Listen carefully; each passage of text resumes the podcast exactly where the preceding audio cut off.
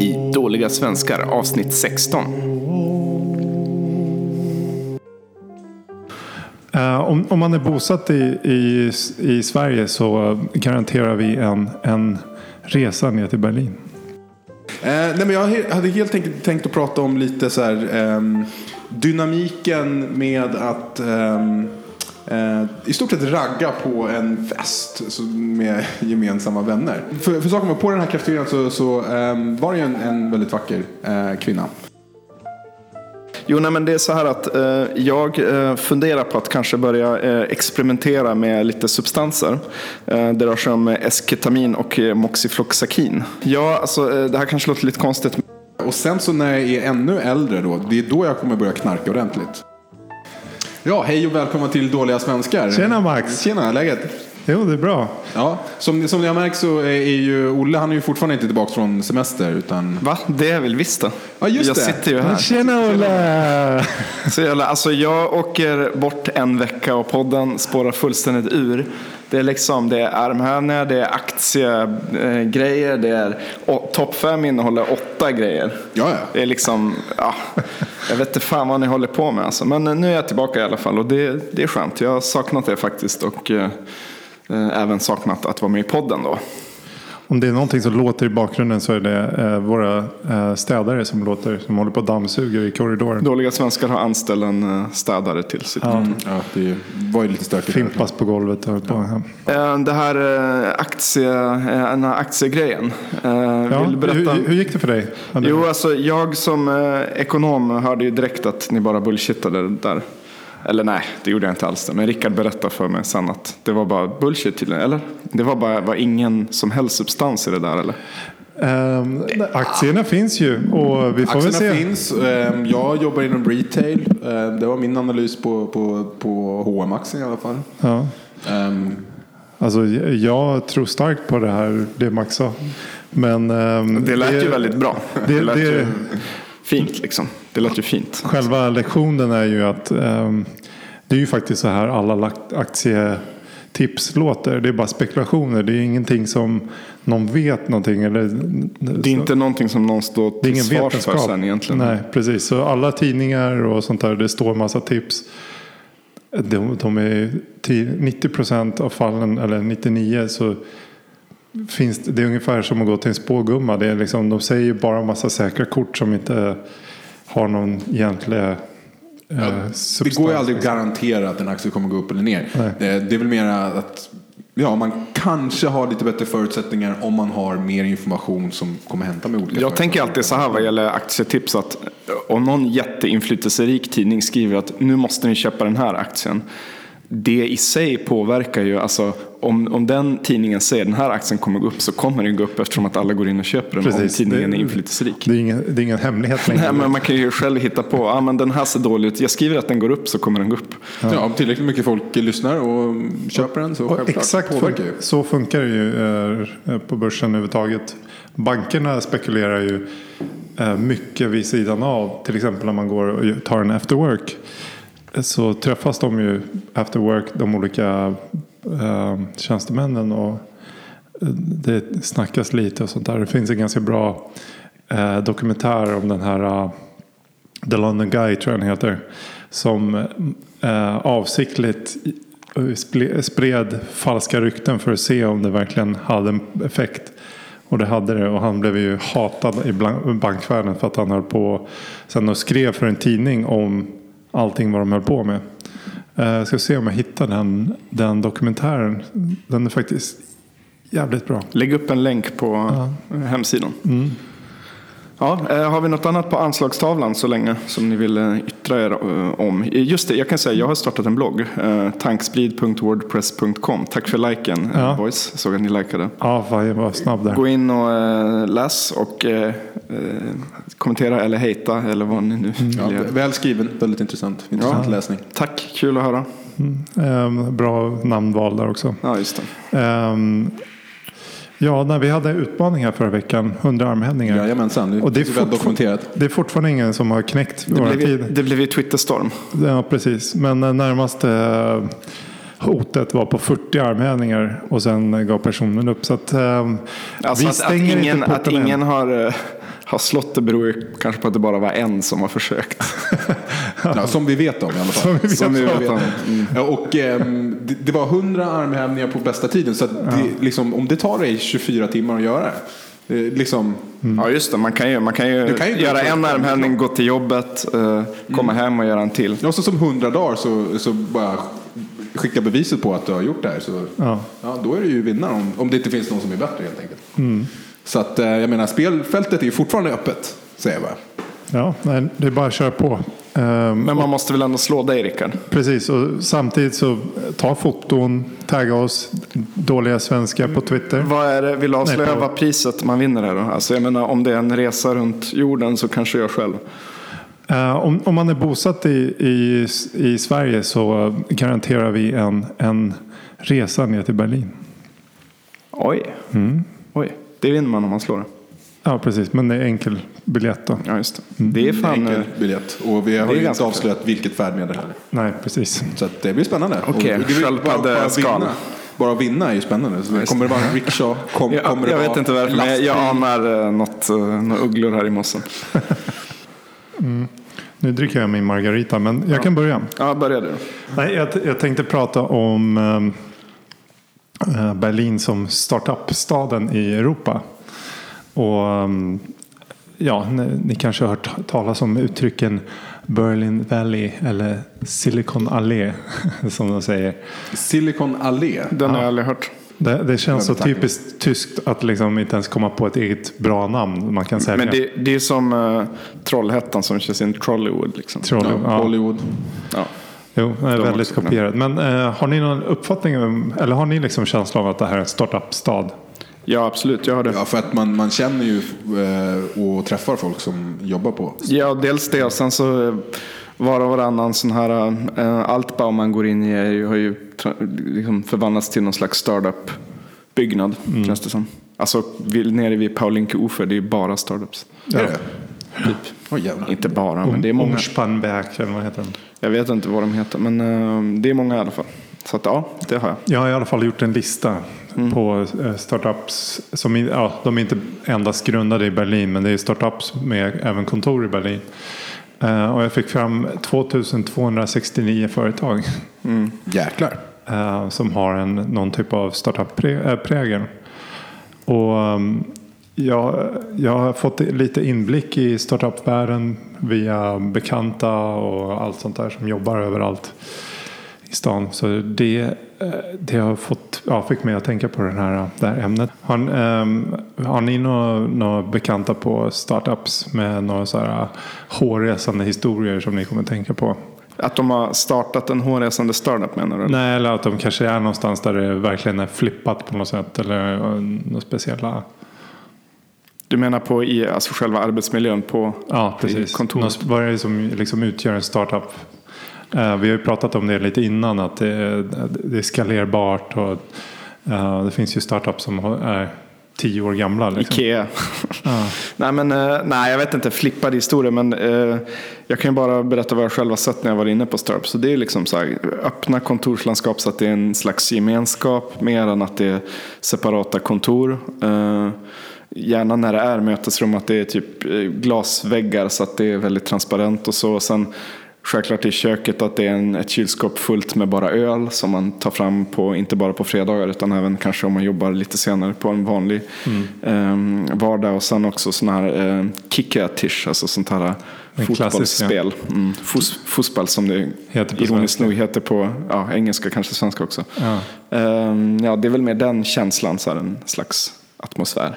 Precis. Tycker du att det är, liksom, hur känner du? Tycker du att det är, det är ett bra tecken att de har en så här Ja, jag tycker att det känns eh, sympatiskt. Det, känns, det är väl säkert jätteinspirerat av Google och sådär. Men du vet, sköna fåtöljer och inte så här jättefasta arbetstider. Man kommer lite som man vill. Och det känns ju lite mer som att det är upp till ens eget ansvar. Och det är det som räknas. Det man verkligen gör. Inte bara att man stämplar in en viss tid, stämplar ut en viss tid.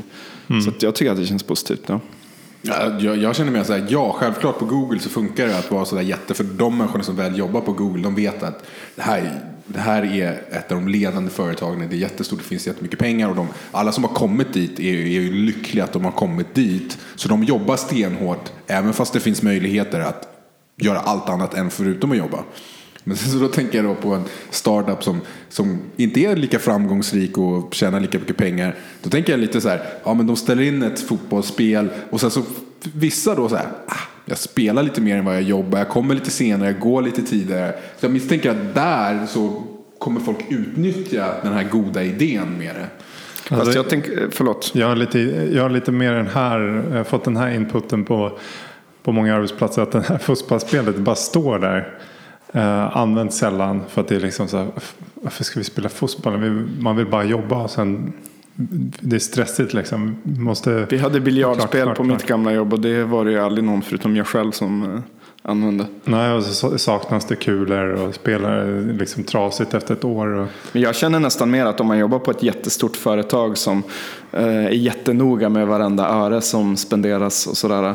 Eh, då tänker jag att då, det är då man blir sur och bara nej, jag kommer också snåla och sitta och surfa på jobbet. Medan om jobbet är generöst mot det här, man känner ja men det här känns ändå kul och bra, då jobbar man på bra också. Det kan ju vara så också. Ja, men då, då måste man verkligen lyckas att det, att det blir det, att det är det och inte bara att så här, vi ställer in ett fotbollsspel och bara i och med att vi har gjort det, då är vi bra. Nej, det är säkert många startups och det är väl det negativa med startups att de, eh, de försvinner så snabbt och jag menar Ja, ja, succé eh, ration är ju ganska låg.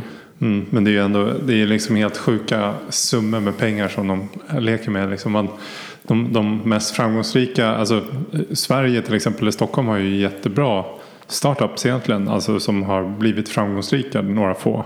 Som Spotify och sådär. Som fortfarande inte gör pengar men fortfarande mest värde- värderade liksom, bolagen. Ehm, men det är, det är intressant varför liksom Berlin har blivit en sån här startup-mecka. Ehm, har, ni någon, har ni någon idé på varför det Mm, jag har en idé.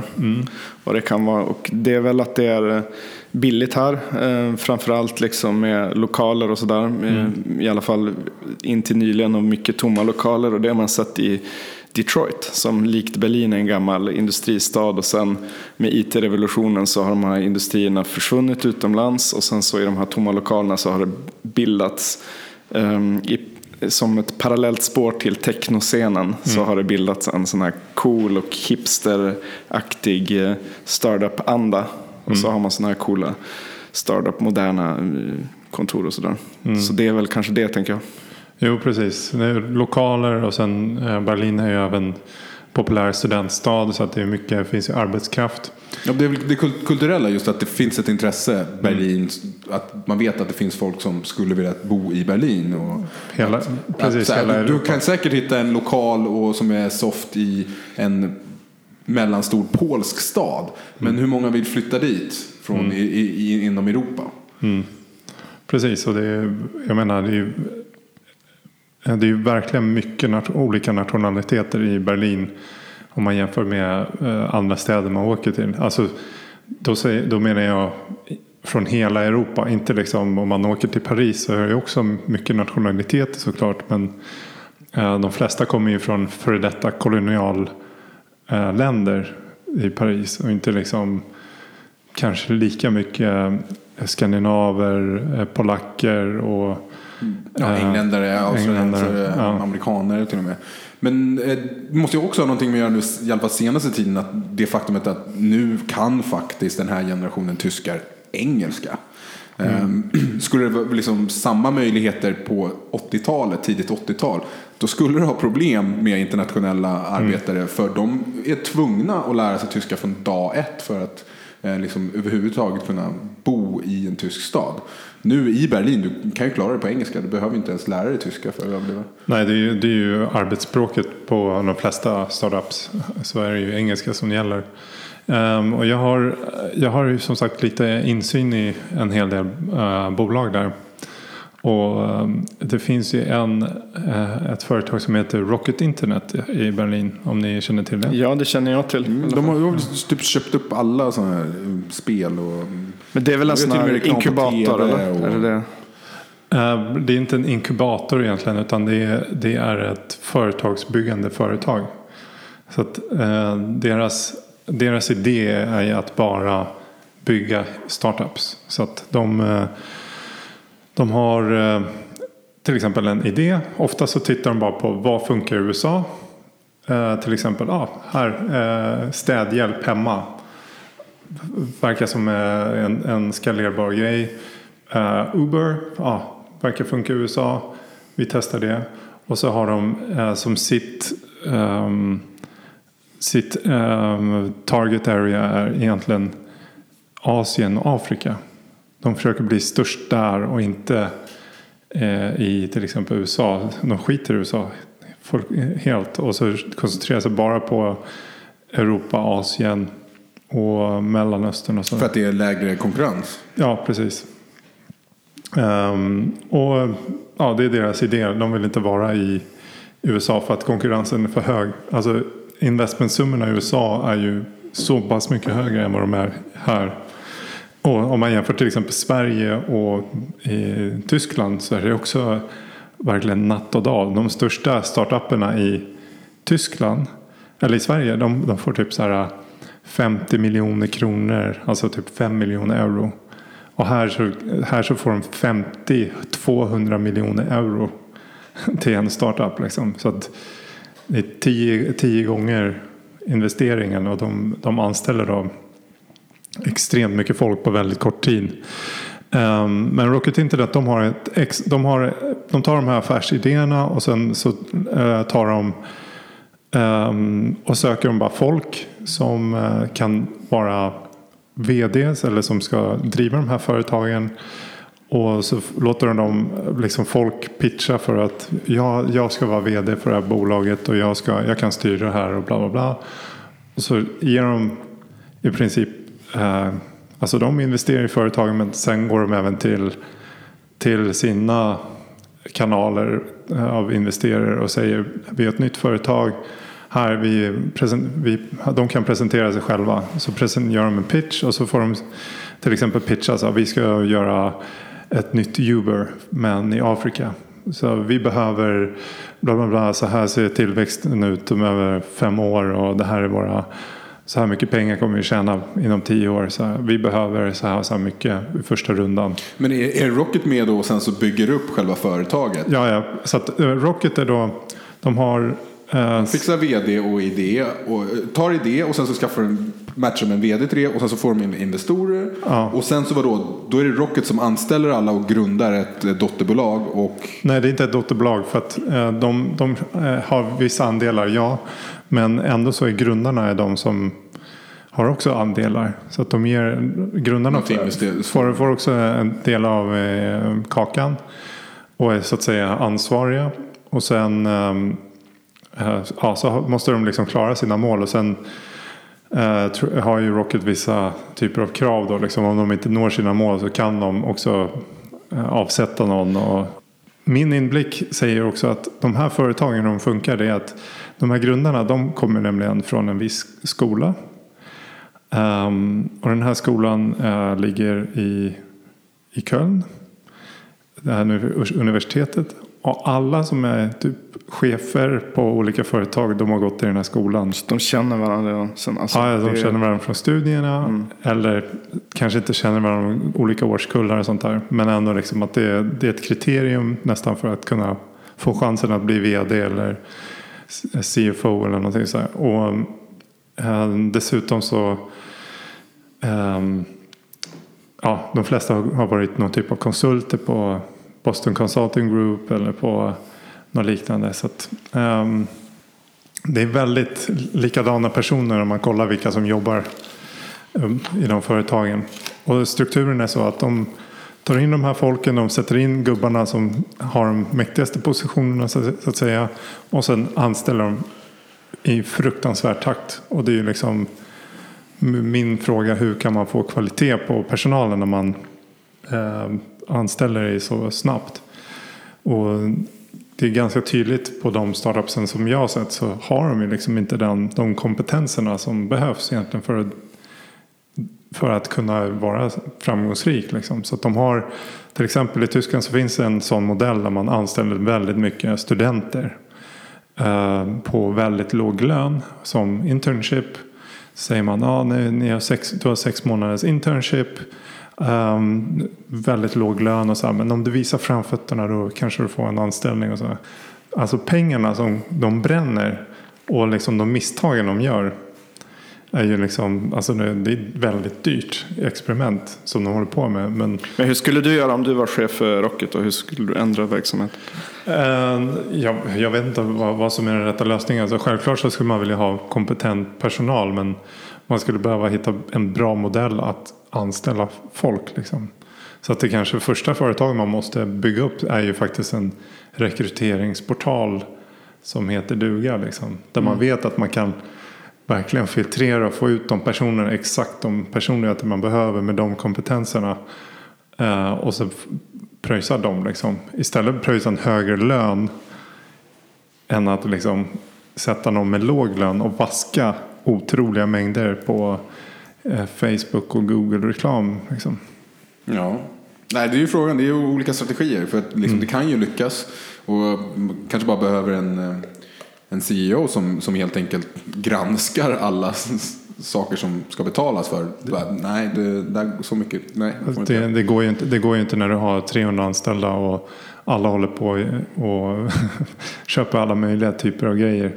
Det är ett rent kaos. Alltså om, du, om du ska ha anställa 200 personer på ett år och du ska intervjua med 200 personer. Hur ska du hinna med att kolla på bokföring, eh, samla pengar?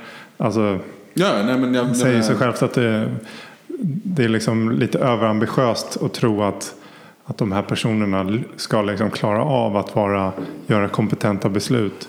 Alltså även om det hade varit Steve Jobs eller vem som helst så är det typ så här. Ja, jättebra att du kan jobba dygnet runt och sådär men alla studier visar på liksom att den som jobbar för mycket för lång tid begår väldigt mycket misstag. Alltså det är som att sätta en full person vid styret. Liksom. Det är samma effekt. Och det är intressant att det ändå, den här kulturen lever kvar. Så, nej, fan, vi, Det finns ju vissa studier som, som pekar på att om man hade förkortat ner tiden till 4-5 timmar per dag så skulle man faktiskt få mer gjort. I vissa tjänster tror jag det faktiskt gäller. Um, framförallt så tror jag det är svårt att vara effektiv åtta timmar i sträck. eh, om man ska nu vara, ta tuffa beslut och vad det nu kan vara. Ehm, men sen är ju frågan vad som är jobb. Det är ju en, en sak om man till exempel gör sådana här saker. Jag måste flytta kartong från det här stället till det här stället i åtta timmar. Då är det liksom, ja.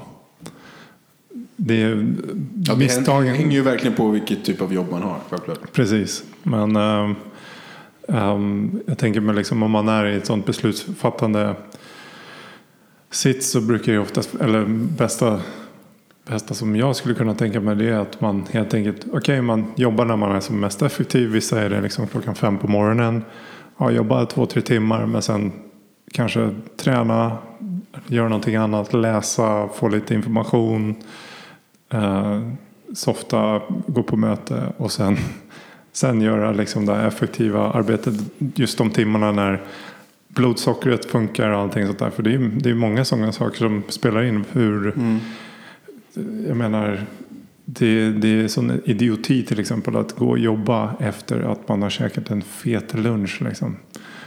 Hela kroppen skriker ifrån. Det är, det är så oerhört svårt att hålla koncentrationen uppe så det är nästan så här. Det är bättre att skippa lunchen och bara jobba på. Liksom. Eller ta pausen Det men, brukar min, men inte min farsa gjorde alltid det. Han brukar ju eh, gå hemifrån klockan sex på morgonen och komma hem klockan sex på kvällen. Och eh, då hade han käkat en frukost liksom. Så när han kom hem var han rätt hungrig. Så brukade han bara skita i lunchen. Ja, nej, det, det förstår jag inte riktigt hur folk kan göra. Nej, det förstår min, jag Min farsa gjorde samma sak. Men vadå, käkar ingen lunch? Nej, jag käkar en banan. Det säger din pappa också. De kanske borde starta klubb då. Ja, nej, men det, det kanske är en sån här pappagrej. Mm. Rickard, det kommer vara Rickard om, om 20 år. Men ehm, ja, jag, jag försökte liksom kolla på vad som är skillnaden ändå mellan Sverige och Tyskland vad det gäller startups. Liksom. Så man kollar på de mest framgångsrika startupsen i Tyskland. Som ändå som jag känner till, som många känner till, en B2C är ju Soundcloud. Ja, just det. Soundcloud är tyskt alltså. Fast grundat av två svenskar. Ja, för jag trodde det fan det var svenskt. Helt och hållet. Rakt igenom. Fan, det är Ja, de här de- partysvenskarna som Det, åker... det är två, ja, två partysvenskar som kom ner för att DJa som bara, fan ska du ha en sån här portal där det finns massa så här schysst musik som man bara delar så här man DJar och sånt. Och där var idén. Och där ligger vi nu. Ja. Och, vadå? och där var det två, tysk, två andra tyskar som, som hörde det och så här. Ja, ser gut. Das machen wir. Nej, nej, Och så- de startade i Tyskland eller? nej, de startade i Tyskland, bodde i Berlin Ja, och. Ja, då och så. eh, startade. Men det är typ som att säga att vår podcast är tysk. Ja, precis. Så att... ehm, nej, eh, bra, bra jobbat killar. Jag tror de Ja. heter Alexander eller någonting. Tack. Ehm, Eller jaha, de. Ja. Ja, b- bra gjort Alex. Ja, ni också. Nej, men eh, det, det, var, det var det lilla. Ja. Ehm, vad, vad hade du tänkt att prata om Max? Nej, alltså jag fortsätter ju... Eh, är tvungen att sätta- mig rakt upp i stolen här nu när det är, jag som har... Nu är det Radio Max. Eh, Jajamensan. Eh, nej, men jag hade helt enkelt tänkt att prata om lite så här, ehm, dynamiken med att eh, i stort sett ragga på en fest med gemensamma vänner. Eh, för att eh, Rickard var även där. Eh, vi var på ehm, kräftskiva eh, i helgen. Hemma hos Fläskisen. Oj, oj, oj. Mm. Och ehm, jag tyckte att för mig så var det ett väldigt bra exempel det som, det som hände under kvällen på hur man ska ehm, lyckas med att ja, ragga på en, en sån tillställning. För att det finns ju ibland så om, om man går på en fest och det är jättemycket folk då, då är det lite sådär som man egentligen är på klubb men alla känner varandra genom någon annan. Men om man då går på en kräftskiva där det finns ehm, eller på till sprit. exempel midsommarfest eller någonting sådär där, där det är just ehm, så många som är där. Att det är, ja men vi är 10 pers, det är 20 pers. För, för då är det ju ändå lite mer som en stängd grupp. Och då kan det bli lite svårare. Och ehm, då har ju även konkurrensen blir väldigt påtaglig. Exakt vilken konkurrens du har till exempel. Ehm, men jag måste säga att, för att det bra exemplet var ju att jag tyckte att det faktiskt gick, gick väldigt bra. Ehm, För, eh, för dig då? Ja, jag, jag tyckte att det gick väldigt bra för mig. Eh, till Hur gick det för dig då Rickard? Rick, Rickard eh, hade ju, har ju redan sitt på, på det det, torra. gick, så det att gick det- jättebra för mig. Du gick hem med någon tjej där. Ja, och en kille. Ja. Eh, nej men, ehm, för, för saken var, på den här kräftskivan så, så ehm, var det ju en, en väldigt vacker eh, kvinna. Och ehm, som man, ja. Som är, Som vi ska låta gå eh, anonym från ja, vi, avsnittet. ja, Kan säga att hon inte var svensk i alla fall. ja, det kan vi säga. Men alltså att man, jag blev ju så direkt intresserad då. Och ehm, då, jag tänkte ju till lite där, så här, hur ska jag göra nu? Eh, för att liksom få ihop min strategi. Och ehm, det bästa är ju egentligen att man då ja, försöker på något sätt komma i kontakt med den här personen. Men vadå, jag fattar förlåt att jag avbryter. Jag fattar inte riktigt problemet. Är problemet att den här personen är kompis med dina kompisar? Eller? Nej, nej, nej. nej. Alltså, svårigheten på en sån här eh, tillställning är ju just det att hur ska jag kunna eh, vi, visa intresse för att det inte blir för tydligt eller för, för att det är, är jag förklarar inte alls att det finns något intresse. Hur gör jag det här framför andra människor eh, utan att det blir för tydligt så att någon börjar Okej, du menar alltså när man inte är i enrum då? Ja, Nej, men, och, och att då, eftersom man då ofta sitter vid ett större Ja. bord så kan, kan det ju vara så att sitter de inte precis bredvid en så kan det vara svårt att, att eh, prata mer om Okej, ja, jag- jag förstår. Jag ville bara så, så att själva, den sociala dynamiken är ju lite annorlunda än då, som sagt på en större fest Mm. där du då kan prata med personen i en skilt bara ni två. Hur, hur man då ska göra. Ehm, och vi hade ju turen att det fanns att vi spelade kubb. Kubbe. Ja, nej, men att man, att man där då eh, försöker vara lite närmare just den personen som man, som man är intresserad av. Och, ehm, och så. Och Det, det tycker jag- High-fi- High-fivea lite. High-fiva lite. High-five är väldigt bra i allmänhet. Det kan man gärna göra på klubb och sådana saker. All form av eh, fysisk kontakt är ju bra. Eh, problemet med det där är när du blir eh, lite på din åldershast så kommer det bli väldigt larvigt när du springer fram och ska göra high five med... Ja, men Olle, jag, jag har redan förklarat för dig. Om, om jag inte lyckats eh, skapa en familj, då kommer jag bo ute i skogen med mina tre Ja, katter det är och, och ehm, tillverka eget Var, var är din eh, cut-off point då? Mm, När, vad är din cut-off point? Alltså när du har fyllt hur mycket, då ska du göra det. Ja, alltså det är en bra fråga. Det är en väldigt bra fråga. Och sen så när jag är ännu äldre då, det är då jag kommer börja knarka ordentligt. Alltså, För då har du ändå inget att förlora. Ja, nej, men för när man är så här 85, så här, hur många år har jag egentligen kvar? Ehm, och det är ju då man verkligen skulle behöva. Det kanske är där han, han ähm, äh, Fire-Opa som är känd i Berlin kommer ifrån. Det är Party Opa. Alltså det är då en eh, väldigt gammal man med väldigt långt skägg också som eh, springer runt eh, på typ LSD och andra droger.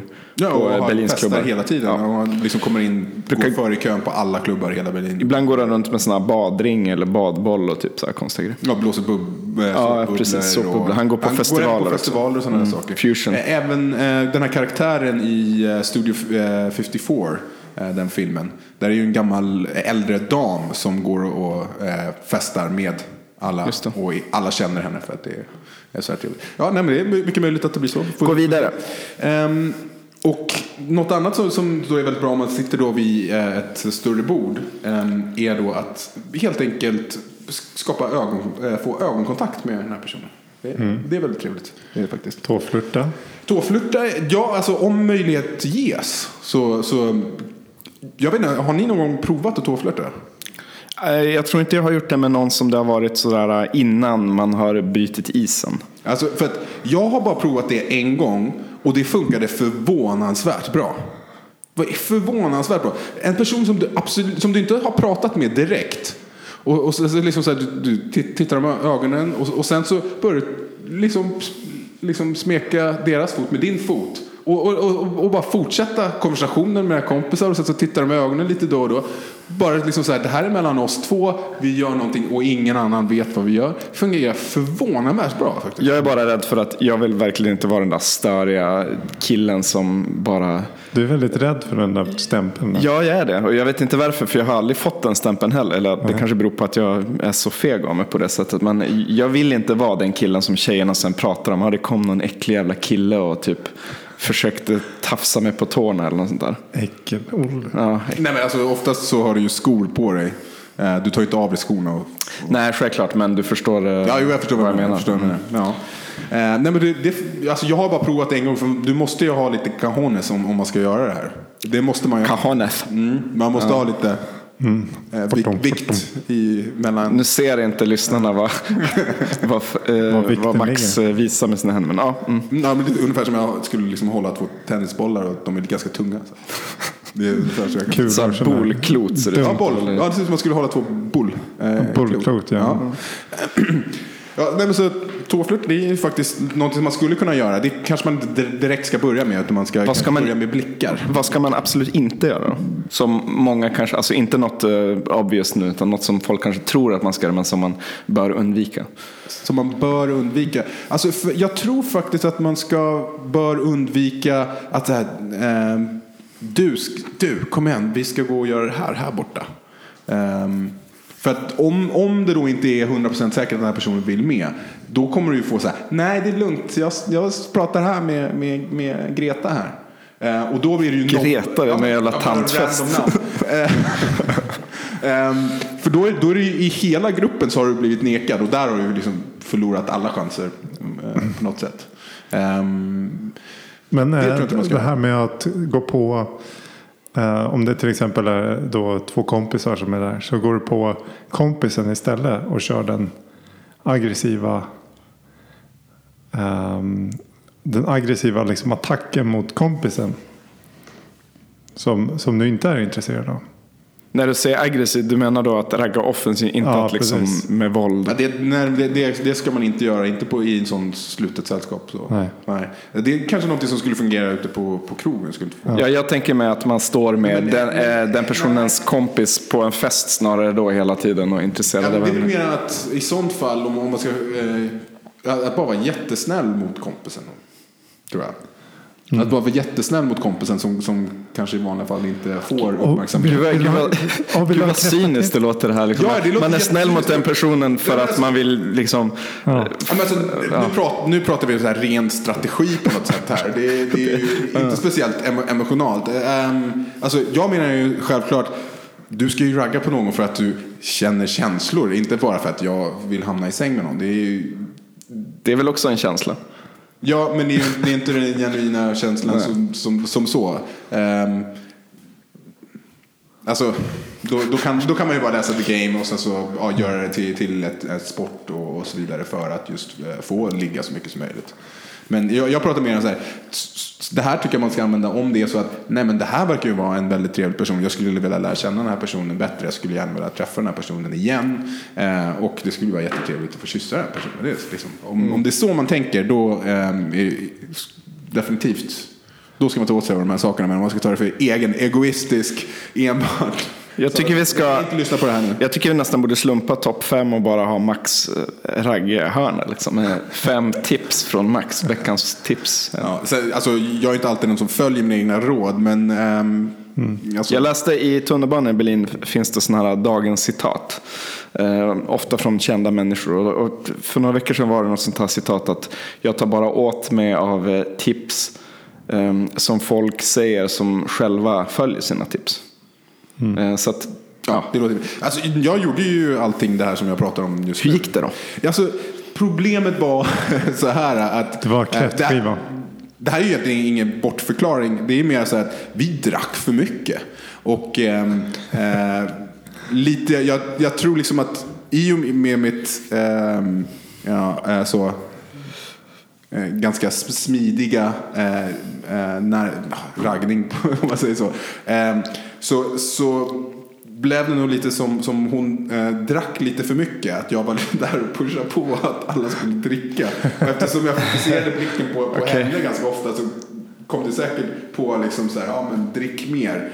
Vilket då innebär att hon blev väldigt full. Så att man kan säga att ett, eh, något som du gjorde som inte hör, hörde bland dina tips var att få den här personen att dricka så mycket som möjligt.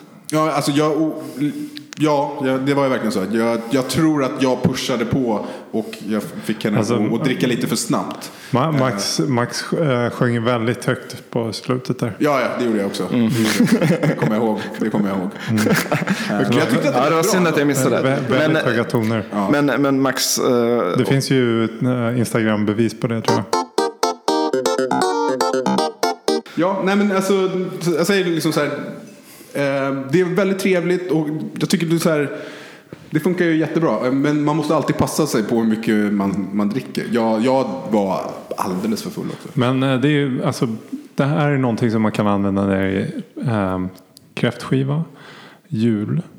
Uh, jul, blir ju, jul blir ju däremot svårare för jul är ju mer familjecentrerat. Så det är mer miss, midsommarkräftskiva? Midsommarkräftskiva men även en större... Valborg. Ja, men även en större eh, middagsbjudning. Mm. Någon för liksom 30-årsfest. Eh, 40-årsfest. Men brukar inte ändå sådana här, jag tänker middag är en grej, men det brukar ändå efteråt mynna ut i någon slags mingel där man står lite mer uppdelat. Så att det ändå blir som en slags vanlig fest. Ja, nej, men liksom, och då är det jättebra att man liksom har, har den här uppbyggnaden så att säga. Jo, nej, men det är så här att eh, jag eh, funderar på att kanske börja eh, experimentera med lite substanser. Eh, det rör sig om esketamin och eh, moxifloxakin. Eh, är det något ni känner till? Ke eh, ketamin? Men, ja, det, det, esketamin. esketamin. Det är ketaminfamiljen. Det är också en hallucinogen eh, drog kan man säga. Bedövningsmedel. Eh, ja, alltså, eh, det här kanske låter lite konstigt men eh, det är lite tack vare dig faktiskt Max. Därför att en gång så skickade du en bild till mig där det stod det är så jävla kul att knäcka. Nej jag ska bara. Det stod om du vill vara med i ett medicinskt experiment så skriv in det här och sådär. Och så nu har jag blivit inbjuden till ett sånt här experiment. Har jag sagt det här till er? Nej. Ja, jag visste om det. Nej, jag visste inte alls om det här. Så att det man gör då är att man ska prova de här två substanserna som jag nämnde. Jag läser din mail. Ja, eh, Esketaminen, precis. Esketamin är då eh, något antidepressivt medel. Eh, och moxifloxakin det är ett medel som man ger till folk eh, med hjärtproblem. Så att, som är för lyckliga. precis, är för lyckliga. Nej, men så, hjärta, vadå då? Nej men, nej, men eh, eh, summa summarum, man ska använda det här på folk som kanske har dåligt hjärta för att eh, esketamin kan man i nuvarande läget, om jag förstod eh, eh, informationen rätt, kan man inte använda eh, på folk som har hjärtfel. Så att de ska testa hur, hur det här funkar ihop på friska personer eh, i form av nässpray.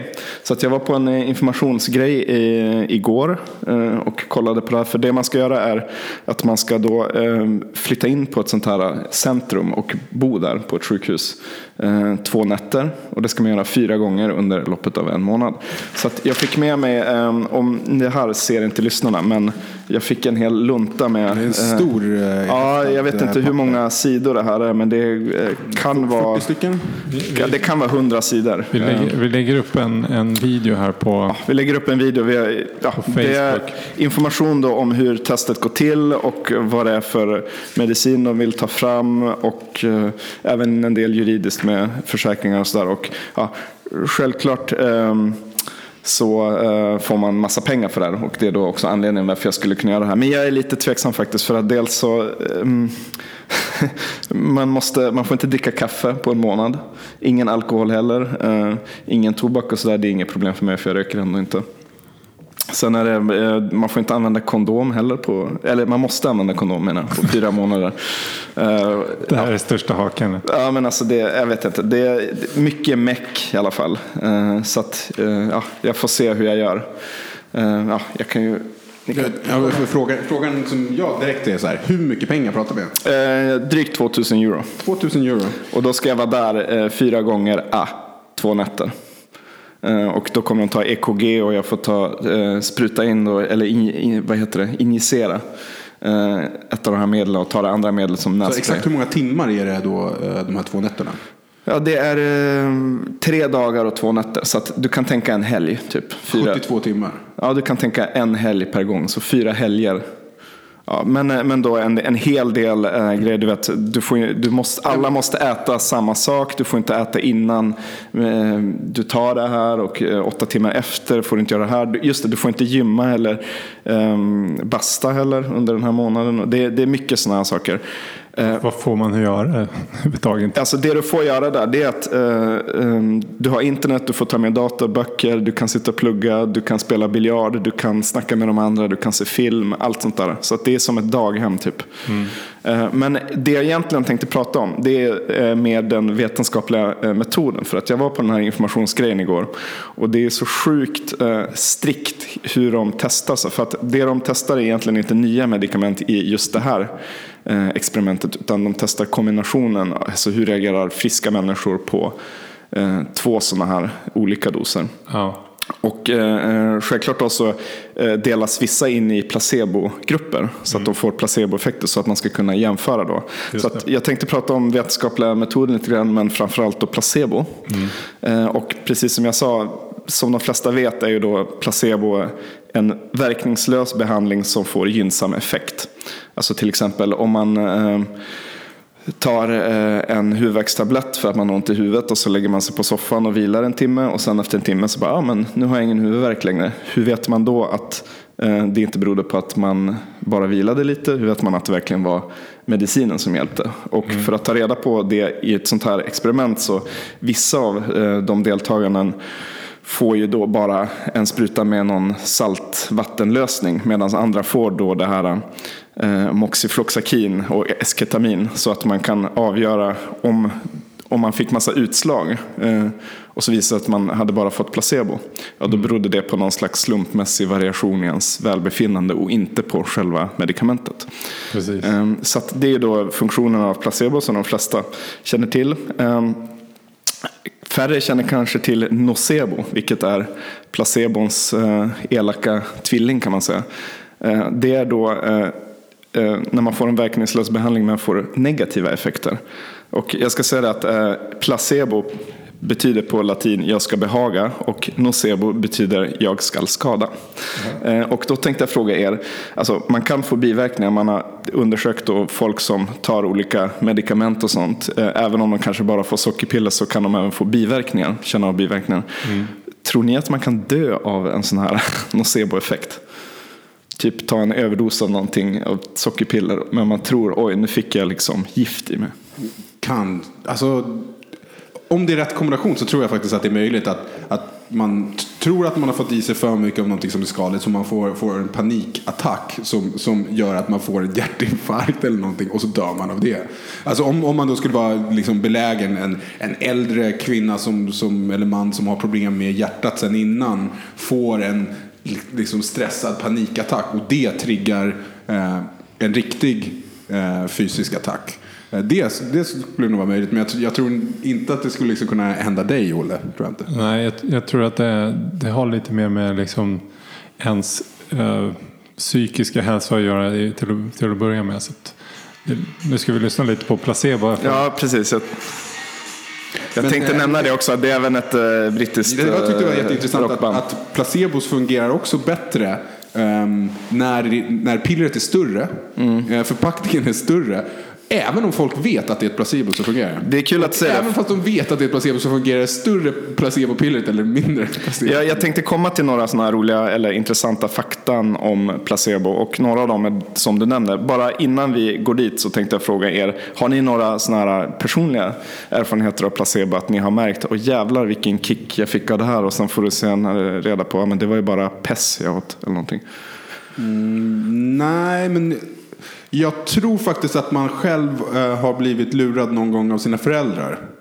Tror jag faktiskt. Att, att de har eh, gett en en vanlig värktablett men sagt att det, är så bara, Nej, men det här är den starkare och den ska du egentligen inte äta som, som, som ung tonåring. Det ska egentligen du äta men, men du får den ändå för du verkar ha så ont.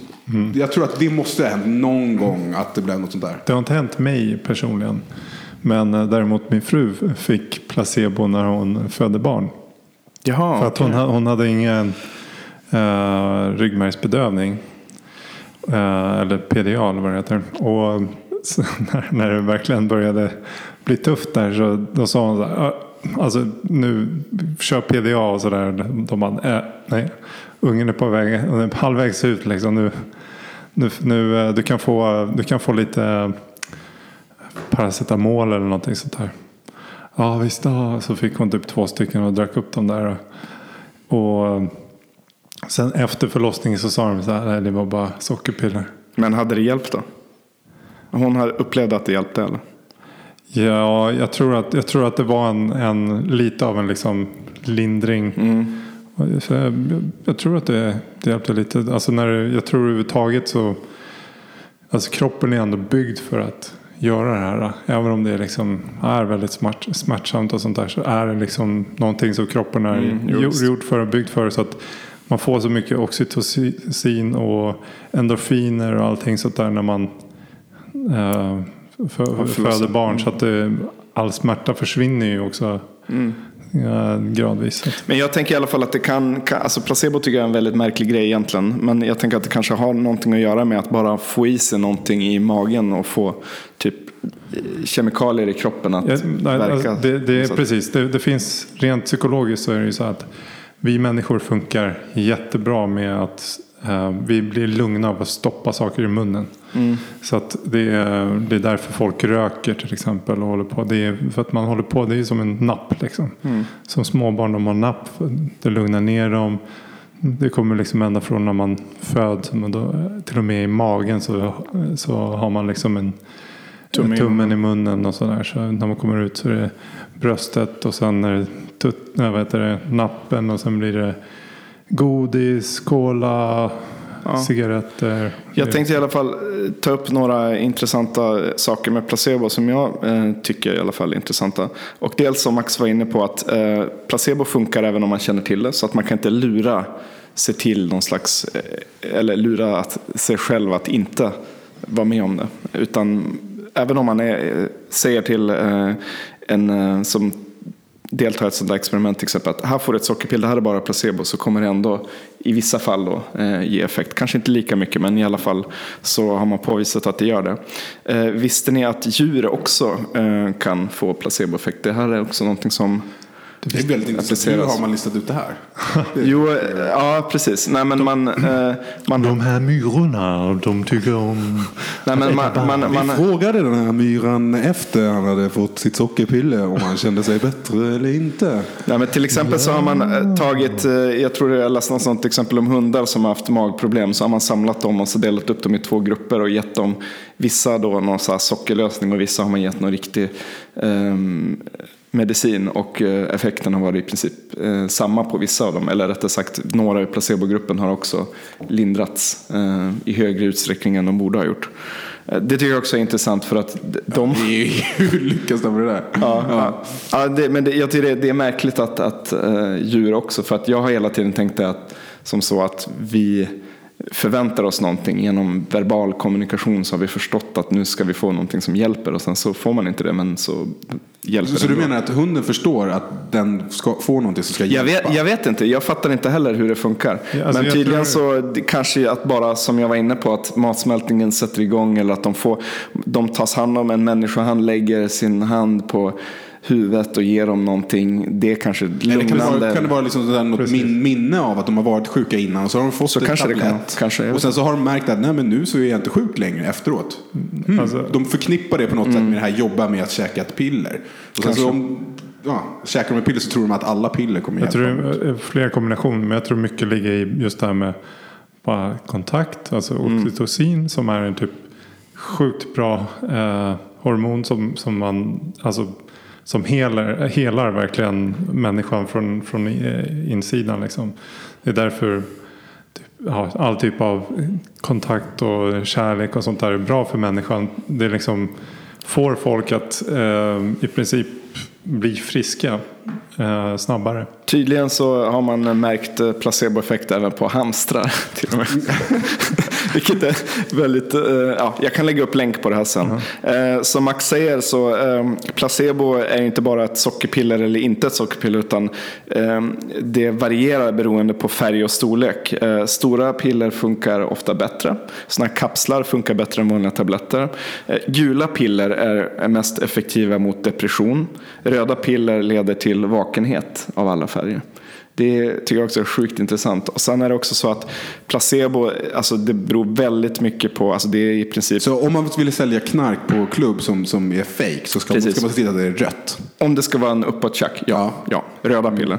Eh, Men det beror väldigt mycket på den miljö du befinner dig i. Kommer du in i en sjukhus, eh, ett sjukhus och har en, en, en eh, auktoritär läkare i rock, vit rock så känns det väldigt seriöst gentemot om du skulle eh, gå till någon eh, någon slags eh, självutnämnd läkare som sitter i mjukisbyxor. Då är liksom inte... En sån här healer. Ja, men, ja precis. Och, eh, om ni känner till Darren Brown, ehm, som är eh, engelsk trollkarl.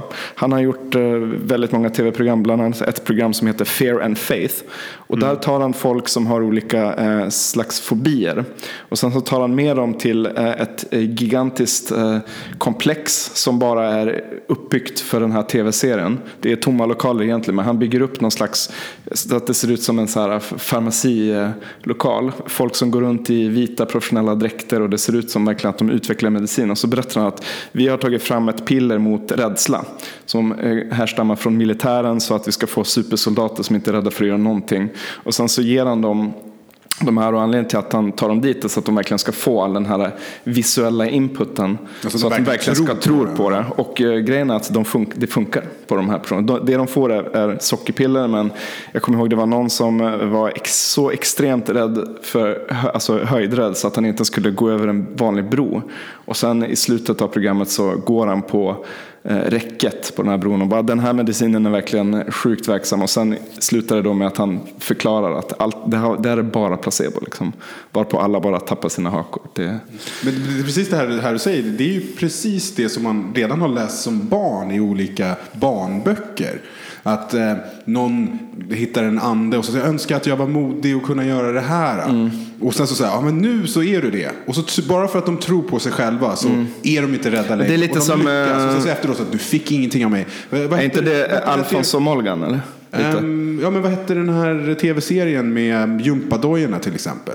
Ehm, Ja, just det. Eh, att han hade alltid... Percys magiska skor. Ja, Percys magiska Ja, skor till precis, exempel. precis. Eh, Men för ja, det är exakt, exakt det som det du är pratar placebo om. också. Ja. Ehm, Till och med jag fick placebo av att titta på den. Fick du? Ja, det får fan. En, en, eh, sista grej om eh, placebo det är att det finns till och med eh, placebooperationer som fungerar. Eh, Man har visat att folk med, som har väldigt stora knäsmärtor, eh, om man bara söver ner dem, skär upp knät, stänger igen det och sen så säger ja nu har vi liksom fixat till ditt knä. Så i många fall så har de blivit eh, läkta. Eh, till i princip samma grad som en riktig, eller jag tror till och med att det, kan ha varit till och med högre utsträckning än de som faktiskt fixade knäna. Men det, det tycker jag låter, faktiskt väldigt, väldigt logiskt. För att personen då ehm, vill inte använda knät och, och gör sådana här saker för att det gör ont i knät. Så de är jätteförsiktiga med knät och sådana här saker.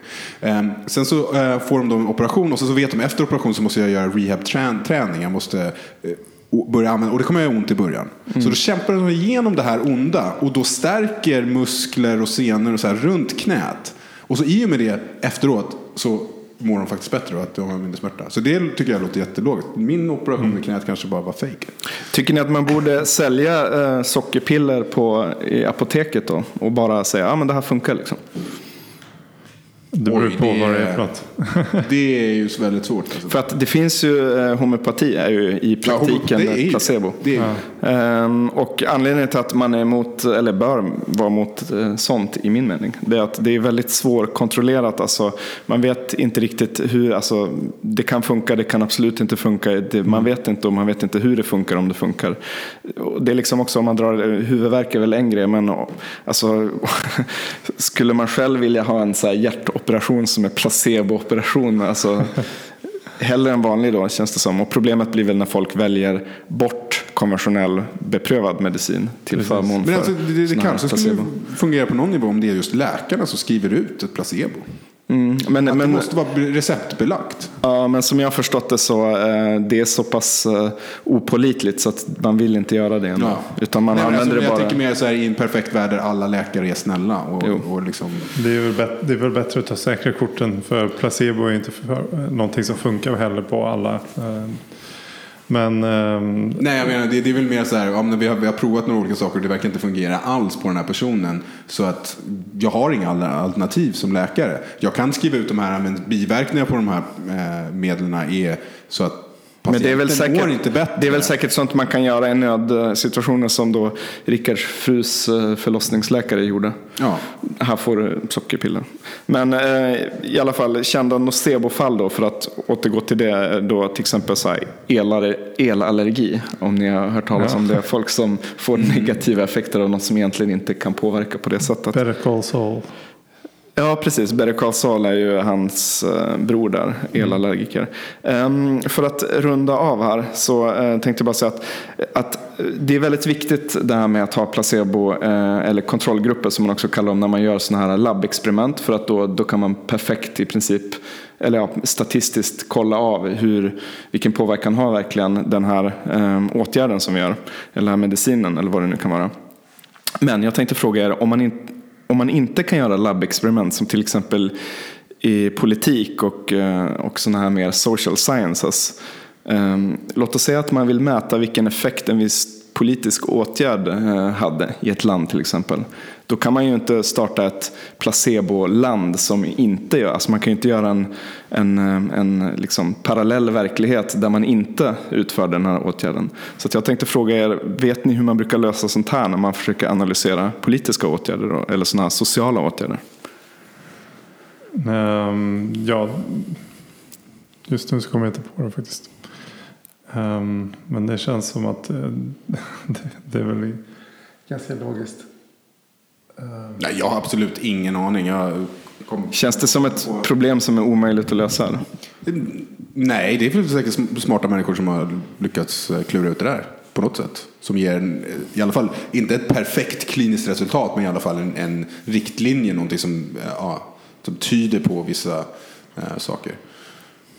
Men precis. vad det är, det, det vet jag faktiskt Jag tänkte ta tre exempel för att ehm, när jag har pluggat nationalekonomi så har vi lagt ner väldigt mycket tid på att kolla sådana här grejer. För att det är väldigt viktigt att alltså, om man ska starta ett miljonprogram, jag vet inte vad det kan vara, eh, minimumlön eller bara en skattehöjning eller vad som helst vill man självklart veta, ja, men har det här en effekt och den effekt vi vill ha?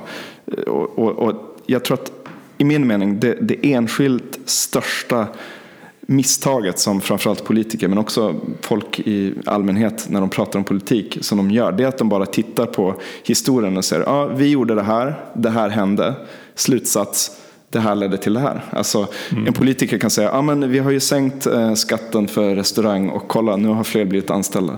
Och det är sån, hur vet de att det inte hade hänt ändå? Eller hur vet de att det inte var kontraproduktivt? Det kanske hade anställts ännu fler om de inte hade sänkt skatten. Alltså, den här logiska i teorin sambandet har egentligen inte nödvändigtvis något med vad som hände att göra. Men, så det är därför man verkligen försöker ta reda på hur man ska göra det här. Och jag tänkte ta bara tre snabba exempel. Och det ena är att man då Låt oss säga att vi ska utföra en politisk åtgärd i ett land. Eh, och då försöker man hitta ett land, eller ja, det kan vara en stad eller delstat eller någonting också, som är väldigt likt. Helst, helst ska det vara exakt likadant på alla sätt och vis. Alltså vi kan ha två städer som ser exakt likadana ut, de ligger väldigt nära varandra. Men du ska införa då till exempel en minimumlön i stad A men inte i stad B. Så då, om det kommer en depression där det blir många arbetslösa så, då, så kommer förmodligen hända samma sak med båda städerna. Det enda som skiljer de här städerna åt är då just den här politiska åtgärden. Så då kan man kolla efter några år, ja, vad hände och så kan man försöka resonera kring om det beror eh, på det här. Så det är en sån exempel, eh, ett exempel på. Att man, man gör, provar? Helt enkelt. Nej, men, men låt oss säga Man tar det i min, mindre skala. Nej, men eh, alltså, till exempel USA, bra exempel. Eh, bundes, eller, eh, staterna där har olika lagar. Så att man kanske inför en lag då i eh, Kalifornien men inte i Nevada. Och de ligger väldigt nära varandra. Eller det kan vara eh, New York och New Jersey. Liksom. De ligger nära varandra, det är samma slags eh, demografi. Menar, när det här har hänt så, så man ska försöka hitta mm. de platserna där ett liknande sak har hänt Precis. nära varandra. Det är ja. i, i historien. Då. Okay. Precis, så om vi då tar New York, New Jersey så bara, ja, men det här infördes 1980 eh, och om vi jämför med grannstaten så oj, det hände ju jättemycket här liksom och eh, allt annat eh, gick liksom parallellt men just det här, på det här sättet var det olika. Så det, det är ett sätt man kan eh, kolla det på. Ett annat sätt är att man kör eh, det som man kallar för matching. Man eh, slänger upp en gigantisk databas med människor eh, där man då kategoriserar människor efter kön, hur mycket de tjänar, hur mycket, vad för utbildning de har, så mycket information som möjligt. Och sen så försöker man hitta två personer, eller man försöker matcha så många personer som möjligt som är um, i avseende av alla de här kategorierna exakt likadana. Och sen så tittar man om, om den ena bor i den ena staten där man utför den här politiska åtgärden men den andra inte gör det skiljer det någonting åt då um, på den här saken vi vill kolla? Liksom, till exempel. Alltså, så istället för så här statsnivå eller statnivå så går man ner på personlig nivå? Man går ner på personlig nivå och liksom säger att ja, men, uh, den här personen som har den här utbildningen tjänar jättemycket mindre än en liksom, det slags inom citattecken tvilling då i den andra staten där man införde någon slags ja. politisk åtgärd. Och allt annat är egentligen lika så det borde bero på det här. Och om man har tillräckligt många människor så, så kan Precis, det självklart. Eh, man måste, man måste göra det på eh, väldigt många. 10 000 av den här mm. samma personen då inom citattecken. Självklart, man kan inte göra det på fem personer och tro att det Nej. ska vara hållbart. Eh, och det sista är då någonting som så fint kallas instrumental variables och det är att man försöker hitta någon slags proxy för eh, den här åtgärden men som inte riktigt är den åtgärden. Det är lite mäckigt att förklara men det finns ett exempel och det är då att ofta när militären värvar personer i vissa länder så gör de det genom ett lotteri. Så att man får ett nummer tilldelat sig 0 till 9 och det är helt random. Det har ingenting att göra med vem man är, man bara får ett nummer. Så jag kanske får 4 och du kanske får 7 max. Och sen så drar de ett, eh, eh, ett nummer och nu ska alla personer som har sju in i militären och till Vietnamkriget eller vad det nu kan vara. Så mm. då får du gå men inte jag. Så om man vill kolla till exempel då militären, ja, men, eh, vi kanske vill veta eh, hur klarar sig militärer efter kriget jämfört med de som inte var med i militären? Tjänar de bättre, tjänar de sämre? om man inte skulle ha ett lotteri så att det blir någon slags randomisering så kan det vara så att folk som sökte sig till militären eh, är sådana som eh, i snitt tjänar bättre eller sämre för att de har olika egenskaper så att det blir en självselektion. Så precis innan Precis, men eftersom att det har lottats ut. Så det här lotteriet det leder direkt till att du får, får vara i militären men inte jag. Men eh, det har ingenting med dina egenskaper att göra. Nej. Så då har man liksom eh, eh, ja, klippt bort den möjligheten. Så att, eh, det är också ett exempel. Så att det finns eh, väldigt många, tycker jag, intressanta och spännande metoder man kan gå runt det här till synes nästan omöjliga problemet att skapa en placebogrupp som man så fint kan göra i ett labb. Men görs inte sådana här undersökningar inom olika departement och, och inom partier när de då vill föreslå ett nytt för- lag? Jo, jo, självklart, självklart. Och det är då bland annat eh, ekonomers jobb att titta på. Precis, inom marknadsföring gör man ju Ja, grejer. jo, jo, självklart. Alltså, det finns ju en, en gigantisk eh, litteratur på eh, just kolla på empirisk data och eh, just, alltså, eh, ingen skulle säga att ah, men det här hände så att eh, därför så, eh, liksom, man måste verkligen visa att hur vet du att det var det, den åtgärden som ledde till att så- det hände. Om jag förstår dig rätt så det du vill säga till mig och till alla andra är att vi som, som vanliga lekmän, som vanliga människor, vi ska inte dra slutsatser inom politik och andra saker och tro att bara för att det är borgerligt nu eller bara för att det är, är socialdemokratisk regering så har det gjort det här och det här. Ja, jag tycker att man ska vara försiktig. Jag tycker att man ska vara väldigt försiktig i till alla att, fall. Mm. Ja, det är därför det är mycket arbetslöshet nu i jämförelse med innan. Man ska kanske kolla på andra saker också. Det har, Precis. Mm, där man har en, kan se en Natur, vetenskaplig direkt dragning. naturkatastrofer. Läs gärna vad, vad forskare säger. Det, räcker med att läsa slutsatsen om någon som har forskat på det här och kollat. Ja, men, eh, sänkta skatterna ledde till att fler började jobba. Ja, men, okej. Då har de ändå kollat på den här eh, kausaliteten. Då. Då, då kan man väl kanske tro på det mer i alla fall än om eh, Reinfeldt eller Löfven står det. Det är klart att de säger så, det låter bra. Det, det är ju det här typiska att man Det tar det är deras eh, sida av. Ja, man, man tar korrekt statistik och lägger fram det på ett sätt som gynnar ens egen agenda helt enkelt.